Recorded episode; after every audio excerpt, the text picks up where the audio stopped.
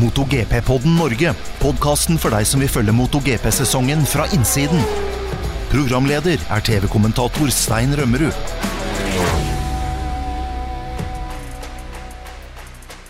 Hei og velkommen til en ny episode av MotoGP-podden Norge. I dag er det jubileumsepisode, for dette er nemlig nummer 25 siden vi starta i eh, fjor. I dag så er Thomas Sigvartsen og Dag Steinar Sundby med meg. Jeg heter Stein Rømmerud, og i dag skal vi snakke om flere ting. For det første, hva lærte vi fra Argentina Grand Prix, som gikk for en drøy uke siden? Og i mellomtiden der har det også blitt kjørt en privat MotoGP-test på Jerez. Hva lærte vi der? Det er nemlig masse spennende som har skjedd. Blant annet så har vi sett en veldig rask tyrkisk superbikefører som nå har fått prøvd seg på en Yama M1. Og til helga så braker det løs igjen. Det er eh, Circuit of the Americas. USA Grand Prix som skal kjøres, og da er det Thomas og Dag Steinar som skal uh, sitte bak uh, mikrofonen i den norske kommentatorboksen. Så dette blir jo litt sånn forberedelse for den sendinga også. Uh, hei og velkommen til begge to. Takk, takk. Takk. Dere har vært på langtur i påsken. Hva er det som har skjedd nå? Nei, vi har vært og kjørt motorsykkel, vi. Tradisjon tro så er vi jo på Cartagena i starten av påsken. Og så er det noen av oss som drar videre til eh, Barcelona Catalunya og avslutter påsken der. Så sju dager på eh, racerbanen i, i, påsken, og det har jo ikke vært å forakte. Det som alle podkastlytterne lurer på da, hvem var raskest? Var det Dag Steinar eller Thomas som hadde beste rundetid på Cartagena? Yeah. Jeg holdt meg i hvert fall på hjula alle dagene. Ja, det var ikke det jeg spurte om. Det var ikke det jeg spurte om. Nei, den uh, var jeg forberedt på. Blei du frakjørt, Sundby? Kraftig. Hvor stor forskjell snakker vi nå? Nei, i hvert fall sikkert uh, fire sekunder på Cartagena. I hvert fall. Det er bra, Thomas. Men såpass bør, såpass bør, det være. Ja, det er jo sånn det skal være. Men det, så du måtte ned i grusen litt, uh, Thomas? Ja, det, det tempoet var der overraskende fort. At jeg har hatt en lengre, uvanlig lang vinterpause. Så um, da blir man fort litt høy på seg sjøl og skal prøve litt mer. Så um, dag to endte, endte, i grusen litt brått, men um, jeg kom meg opp igjen. Jeg var fortsatt det. Så alt i alt veldig fornøyd. Uskadd? Uskadd og fornøyd.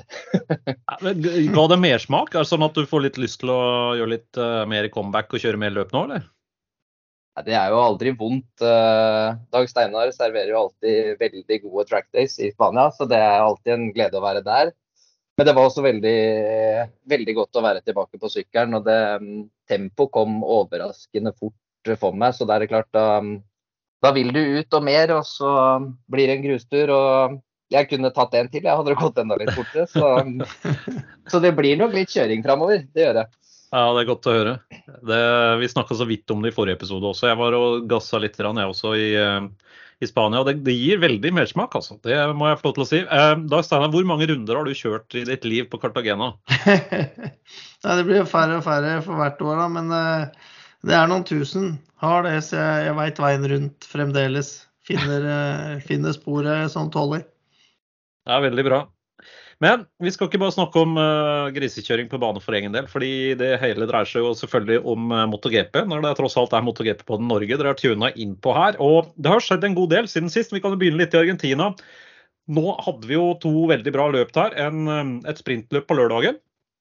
Der det ble KTM-seier. Brad Binder dunka til med en seier, men det ble veldig jevnt. da. Betsekki på andre skilte bare ja, 700-deler mellom de to, og Luca Marini på tredje.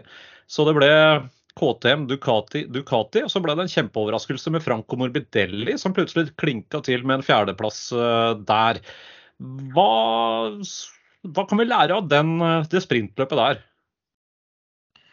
Nei, det er jo eh, Brad Binder er seg sjøl lik. Han starter vel på 15. startposisjon eller noe. Og ja, var var på hugget. Det er ingen tvil om det. Altså. Det, var jo, det var jo overraskende at han skulle ta eh, den sprintseieren. Det, det syns jeg. Ja, det var eh, en vanvittig oppkjøring. Han er alltid rask på løpsdag. Og eh, selv med en dårlig kval, så har han jo den egen, egne evnen til å virkelig kjøre seg oppover. da.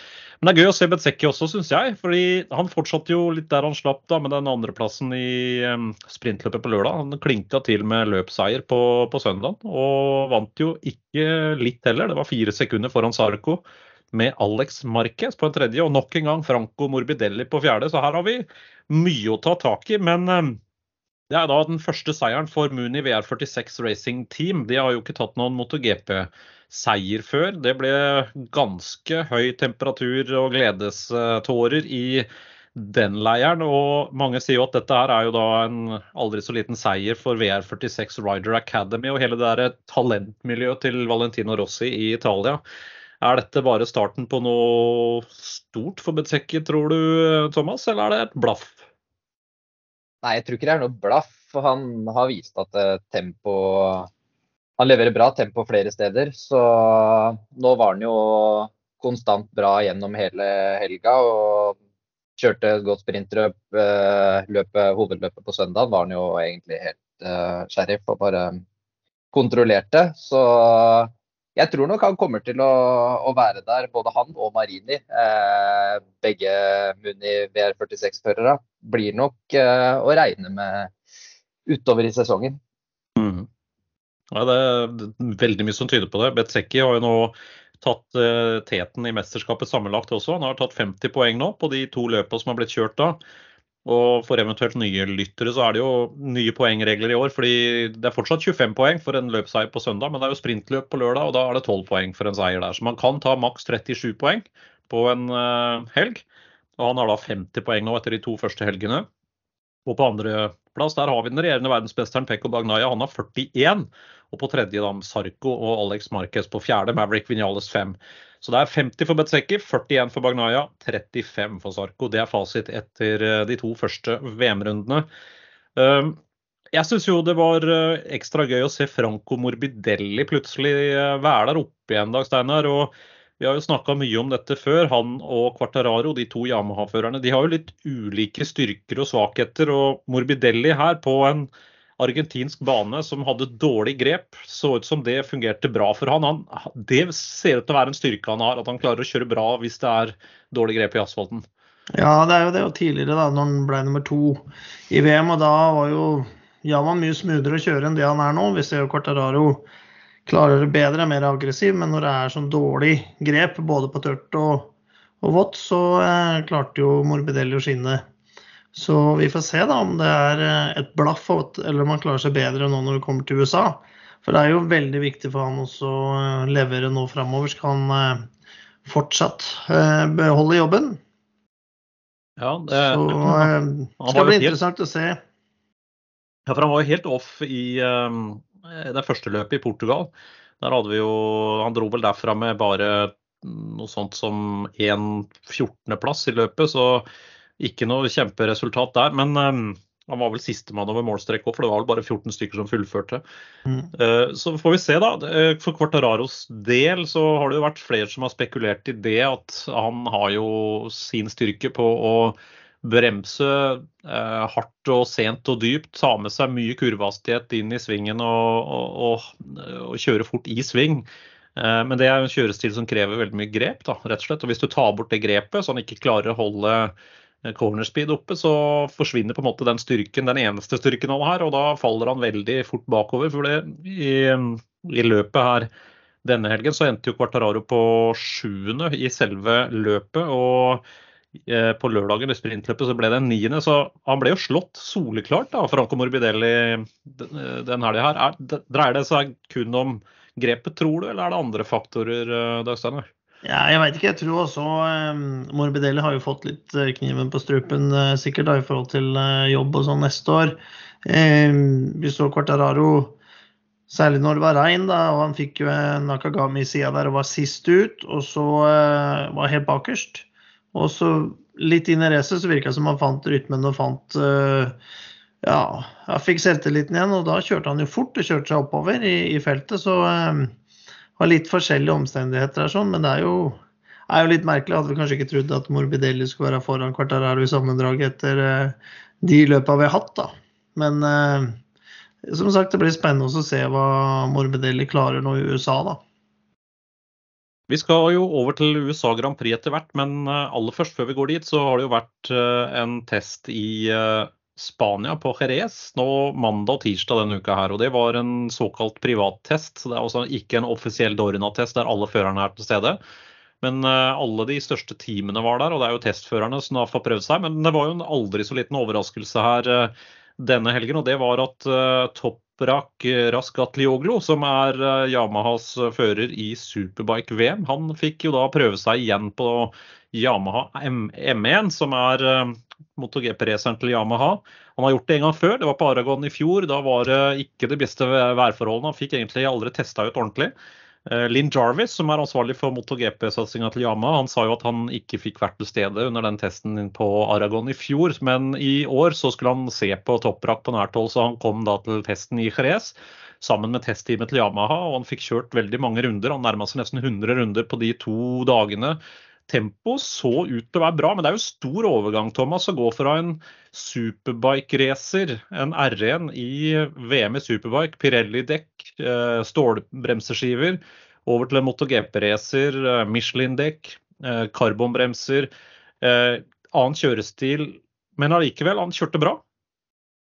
Ja, han, han gjorde en god test, han. Det, han endte halvannet sekund cirka bak Pedrosa, da, som var, var raskest. og det, det, er absolutt godkjent. Han, han sa jo selv at det, det, er mye å jobbe med. Han må, må, kjøre på en helt annen måte enn det han gjør med, med superbiken. Så absolutt en godkjent test.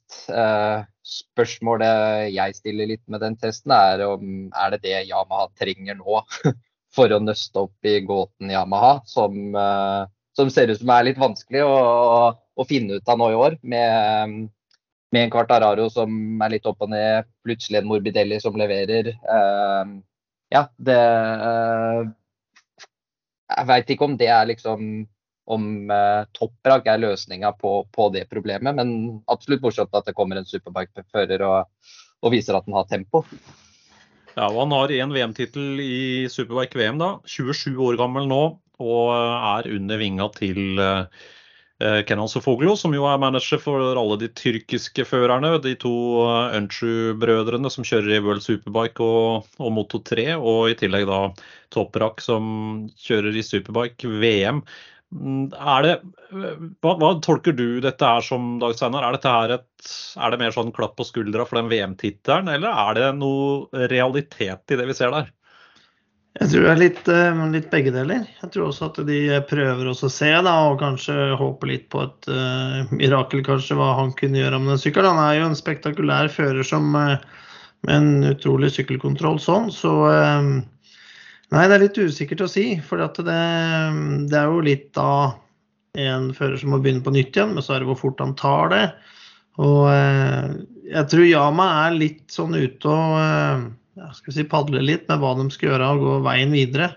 Egentlig, for de har jo også Det kommer jo nye også da fra eh, Moto 2. Eh, Pedro Acosta men han har kontrakt med KTM, men KTM er også ganske fylt opp i eh, rekkene sine med førere sånn, og kanskje ikke de da tupper ut en rookie sånn som eh, Augusto Fernandes etter et år, sånn som de gjorde med Raúl og og Remi Garner at de Ja, så jeg tror eh, jeg tror de føler litt på det, bare å se. Og det kan virke som at Yama er kanskje litt eh, ja, litt usikre. Det er mye som skjer framover også, om VR46 vil gå tilbake til Yama etter 2024. Det er eh, Men det er ikke så mye plasser i MotoGP. Det, det nåløyet er blitt bare enda trangere. Ja, Det er nesten et luksusproblem nå med veldig høyt eh, nivå på de førerne som er der. Og det er 22 mm. sykler tilgjengelig nå. Eh, Dorna har vel sagt at de kan åpne til 24 sykler. I øyeblikket åtte Ducater på griden, da, men det er bare to Yamahaer. Og for Yamaha sin del så er det åpenbart en ulempe at de ikke har noe satellitteam i øyeblikket. De er jo uten det i år, etter at Petronas Yamaha, eller RNF Yamaha som det het i fjor, ble til RNF Aprilia i år. Men de er på jakt etter en løsning på et satellitteam. Og et av de ryktene som har gått, er jo det du var inne på der med VR46 uh, eh, Mooney-teamet. De har jo en kontrakt med Ducati for 2023 og 2024. Men uh, vi så jo at uh, FIM-sjefen, altså Det internasjonale motorsykkelforbundet, han var jo litt sånn løsmunna og kom med en uttalelse i media før jul der han sa at han spådde VR46-teamet over på Yamaha allerede i 2024. Jorge Viejas heter jo han, og han burde jo vite, han er jo tett på det som skjer, men han ble jo fort satt på plass da, av, av Muni VR46-teamet. De bare understreker at nei, vi har kontrakt med Ducati, det er ikke aktuelt å gjøre noe annet. Men kan det ligge noe i bunnen på dette her? Fordi vi har jo sett det før, det er mulig å kjøpe seg fri fra kontrakter. Det gjelder både førere og, og merker. Hva tenker dere? Ja, i den verden her så veit du vel aldri, egentlig. Hva tenker du, Thomas? Nei, det, altså, alt, alt, kan skje. Du, men her vil man jo alltid få en veldig sterk opplinking pga. Rossi eh, mot, mot Yamaha. Så, men det er klart, når du ser på den pakka de sitter på nå i år, med såpass konkurransedyktig materielle, og hvis det ikke skjer noe revolusjonerende med Yamaha, så, så tror jeg det skal sitte langt inne at de hopper over på det allerede neste år. Eh, når de kan fortsette på, på så godt materiell som det de har tilgang på nå. Ja, for den Desmo Sedici GP22 Ducatien som de bruker nå, det er jo den som faktisk vant VM i fjor. Så det er jo en, det er en meget potent sykkel. Og det, så jo, det viste jo resultatene denne helga også, da, med Betseki først over målstrek på søndag og andreplass på lørdag. Ja, Vi får se. Yamaha er i hvert fall i um, litt utfordringer akkurat nå. De hadde jo Cal Crutchlow også på en av syklene sine der i Jerez, og han var da 0,7 sekunder raskere enn uh, Toprak Raskatlioglo, så det var jo ikke den store forskjellen, det. Nå kommer jo Crutchlow fra relativt fersk uh, Grand Prix-erfaring, mens uh, for Toprak så er jo dette som sagt helt nytt territorium. 0,7 det er vel um, Det må vi nesten sette et OK eller et godkjent på i, i margen. Jo, det er helt klart det. Han, eh, han kjørte jo fort, han gjorde jo det. Og, eh, så vi, vi, får bare se tror jeg, altså, hva, som, eh, hva Yama velger å gjøre. Det er klart Alle sjefa var jo der og ville følge med, så de hadde kanskje håpa på et lite mirakel. At han var rask, at Toprak er rask, det vet jo alle. Men det var også flere førere som var der og testa forskjellige timer. og Noen av de skal jo i ilden, sånn som Jonas Folger for KTM. Han må jo steppe inn nå. Eh, det er jo et stort eh, skadefrafall, egentlig, i, eh, flere av teama. Ja, fordi vi har tre reserveførere eller testførere som skal inn nå. Det, den ene er jo den du nevner nå, med Stefan Bradel. Og årsaken til det er at Mark, eller, nei, unnskyld, um, du sa Folger. Ja. Og det skyldes jo at Paul Espargaro fortsatt er skada på Gassgass uh, Tech 3 KTM-en. Uh, han uh, Jeg hørte et intervju nå med Hervé Poncheral i uka som har gått, og han forteller jo at nå har Pål Espargaro operert eh, kjeven og fått bolta sammen det kjeveleddet igjen. Det er ganske nært øret. Uh, og han har da en sånn løsning som gjør at han ikke får åpna munnen akkurat nå. Så har, kjeven er stengt, og det, det, er selvfølgelig både veldig ubehagelig og veldig smertefullt. Men det er ikke det som er problemet, sier han. Lungene, så Han fikk jo også veldig forslåtte lunger. Det er også nå eh, normal funksjon igjen, og det er godt å høre. Men utfordringen er frakturer i eh, vertebra, altså ryggvirvler. Og det var ikke bare én, jeg tror det var snakk om to eller tre ryggvirvler som han har brudd i. Eh, så han må gå med korsett i ganske lang tid nå. Det tar, dette kommer til å ta tid før han er tilbake igjen, men ifølge Poncheral, som er eieren av Tech 3-teamet, så, så, kommer Paul Espargaro til å bli fullt restituert. Han kommer tilbake igjen med normal følelighet og, eh, og vil være fit for fight igjen. Og, og vil kunne kjøre en MotoGP-sykkel på normalt vis, men det kommer til å ta tid. Og Da er det tyskeren Jonas Folger som skal prøve seg der. Han er jo testfører og skal steppe inn, så det er den ene reserveføreren vi har denne helga. Så kom det en nyhet nettopp fra Repsol Honda, og de forteller at Mark Marquez han skal ikke stille til start. Han brakk jo tommelen i denne spektakulære krasjen som han selv var eh, årsak til. Han sneia jo bort i først Jorge Martin, og så feide jo Miguel Oliveira av banen og brakk tommelen i det stuntet der. Eh, og det er såpass vondt og ubehagelig at han får ikke kjørt enda, så han skal heller ikke kjøre da i USA. Det blir Stefan Bradel som skal steppe inn der. Eh, han har jo mye rutine, kjørt eh, mye på denne banen også, så det er jo et, eh, sånn sett et greit valg for, for HRC. Johan Mir, som skada seg i forrige VM-runde, han er tilbake igjen. Så det blir Mir og Bradel som skal kjøre Repsol Honda denne helga. Og så har vi jo faktisk enda en, en skade her, og det er Enea Bastianini i Ducati-leiren. Han hadde jo en veldig stygg krasj i i eh, Portugal og brakk et eh, skulderblad. Og han er fortsatt ute av gamet. Og der er det testfører Michele Pirro som skal inn. Så det er tre eh, reserveførere som skal inn denne helga her. Vært mye skader i år? Ja, jeg har jo ikke sett like mye skader i toppklassen siden den gode gamle 500-tida med totaktere. Men, eh, så det har vært mye.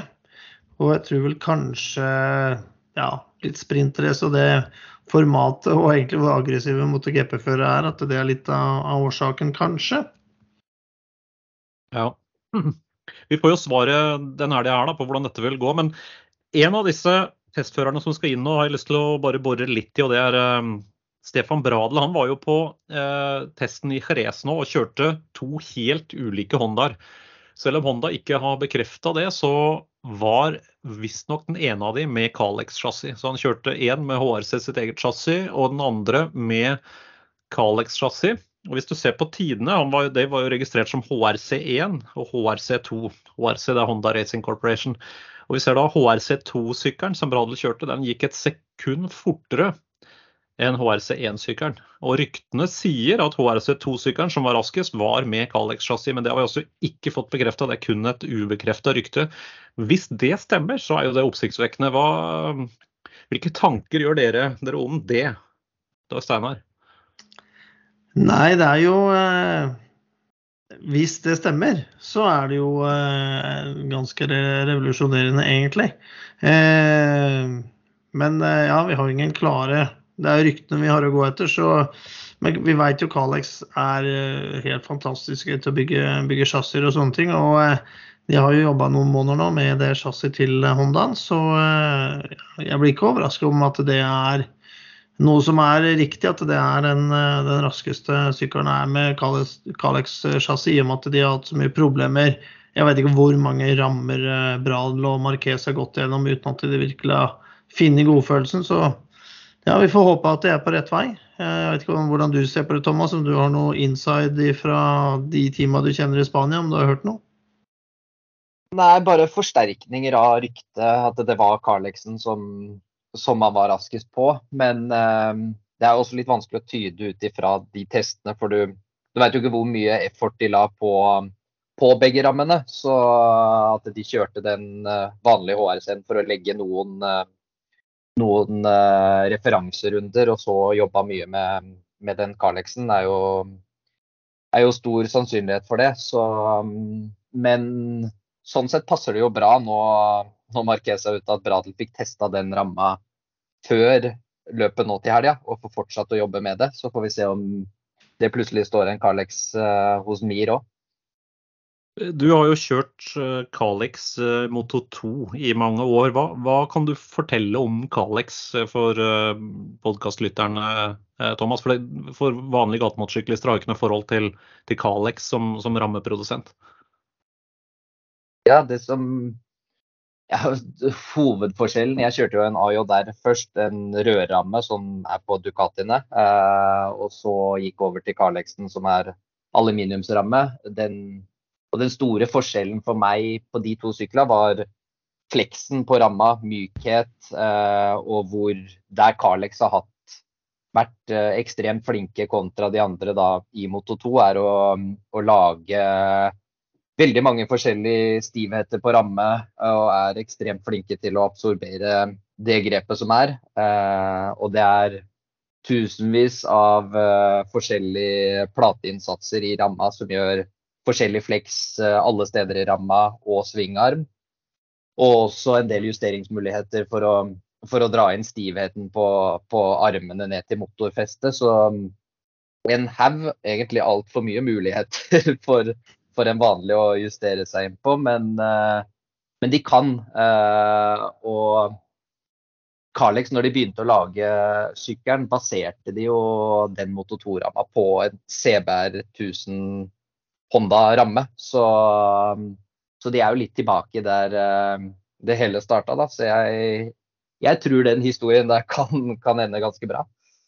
Ja, og, det, og, dette er jo da en tysk eh, chassisprodusent, så de har eh, spesialisert seg på racingrammer. Og har jo faktisk levert en svingarm allerede til HRC og Repsol Honda. De kjørte jo med Calex svingarm i fjor allerede. Den alu-svingarmen som erstatta karbonsvingarmen som de hadde kjørt med litt, var jo faktisk Calex, og det ser jo ut til å ha gått bra. Eh, for oss som har fulgt både GP 500 og MotoGP i en årrekke, så må jeg jo si at dette her er litt overraskende. fordi er det én produsent som har hatt veldig mye selvtillit, og som har eh, ikke sluppet til noen tredjepart på, på vitale deler, så er det jo nettopp HRC som er en maskin, et lokomotiv av eh, racingproduksjon. Og at de faktisk inviterer inn eh, Jeg hadde nær sagt ei, ei bakgårdsmie fra Tyskland. Det er det jo ikke. Dette er high-tech og det er veldig veldig bra. Men i forhold til det maskine, maskineriet som HRC er, så er jo, er jo Callex en er litt av smie, egentlig. Selv om det er håndbygd og det er helt rått og det er høy kvalitet og alt. Jeg er veldig overraska over at eh, en så stolt produsent som Honda faktisk velger å gå til dette steget. Det er eh, oppsiktsvekkende. Jeg tror eh, Honda har fått et enormt press fra Mark Marquez at de må virkelig prøve noe annet enn enn den ruta de har. For de har jo prøvd så vanvittig mange rammer og chassiser og sånne ting at de, jeg tror det er, det er mye press fra Mark Marquez, da, og han har, eh, har hatt krav om eh, en annen retning enn det HRC hvor de var på vei. da. Men hva er problemet til Honda? Hva, hvor, hvis det er én eller to ting de må endre på, hva, hva dreier det seg om? Ja, kanskje Thomas eh, bedre til å svare på det egentlig i forhold til chassismessig og sånne ting. Men vi har i hvert fall sett da, at sykler har forandra seg etter å være korte og høye til å bli lengre og lengre da, i forhold til hvordan eh, Michelin-dekka fungerer. Det er jo mye mer avhengig av å ha med seg bakhjulet da, f.eks. i innbremsinger. da. Mm. Med det enorme grepet. Ja, så ser du de har jo på en måte Honda er jo veldig tradisjonelle. Uh, har uh, alltid De har nesten vært sist ute med alle de aero oppgraderingene vi har sett. Um, og har vært veldig tro til, til sånn sykkelen har vært, tydeligvis. Men det er jo flere år nå vi har sett at uh, det er kun Mark Marquez som har klart å svinge den sykkelen. Uh, den vil rett fram når de andre svinger. Og um, det er nok blitt mer og mer uh, ja, chassisutfordring uh, som går litt på på alle ting. Før har det nok vært at han har uh, vært vanskelig, vanskelig, å svinge og få med seg. Og nå, nå begynner de å tape litt på akselerasjon, som Dag Steinar er inne på, da, med, med høyde og lengde. Uh, så nå har det nok blitt litt mer hele pakka. Men jeg tror chassismessig tror jeg ikke det har vært det beste chassis på veldig mange år, egentlig. Mye tyder på at de eh, da er åpne for å prøve noe helt nytt, og vil helt sikkert analysere de dataene fra race helt ned for å se hva de, kan, hva de kan lære av det.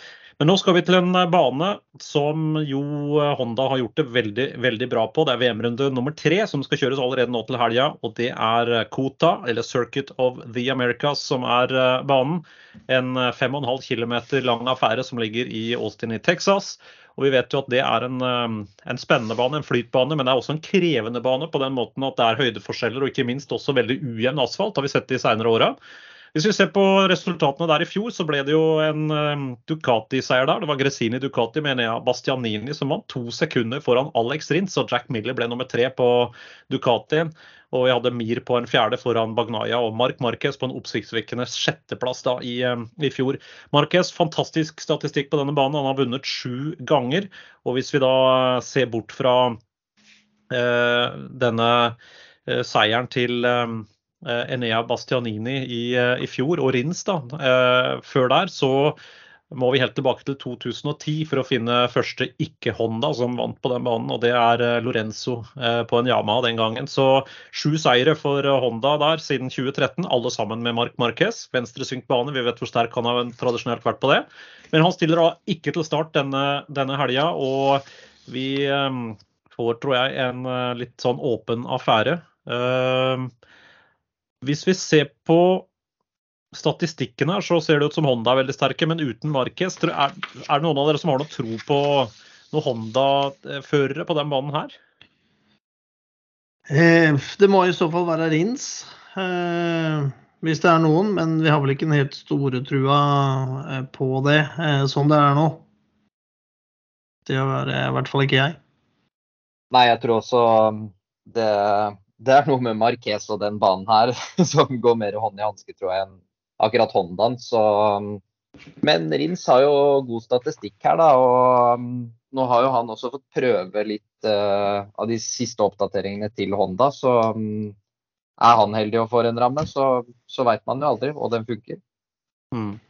Jeg må jo, bare sånn For å være tydelig på det, da. Det, når jeg sa at Lorenzo vant i 2010, så var jo ikke det her. Det var også USA Grand Prix. Den gangen ble det det kjørt på Laguna Seca, bare sånn at, det, sånn at vi får rett skal være rett. Uh, så det betyr jo faktisk at Yamaha har aldri vunnet på den banen her. Eh, de uh, har hatt andreplass med fire forskjellige førere, fordi Quartararo ble nummer to her i 2021. Rossi i 17 og 19, og Vinales i 2018 og Lorenzo i 2016. Um, Ducati som sagt, én seier, Bastianini. Og Suzuki én seier, det var 2019. Uh, eh, Aprilias beste resultat her, det er tiendeplass. Uh, og det er jo helt tilbake til 2016. Og KTM de ble vel åtte her i 2019.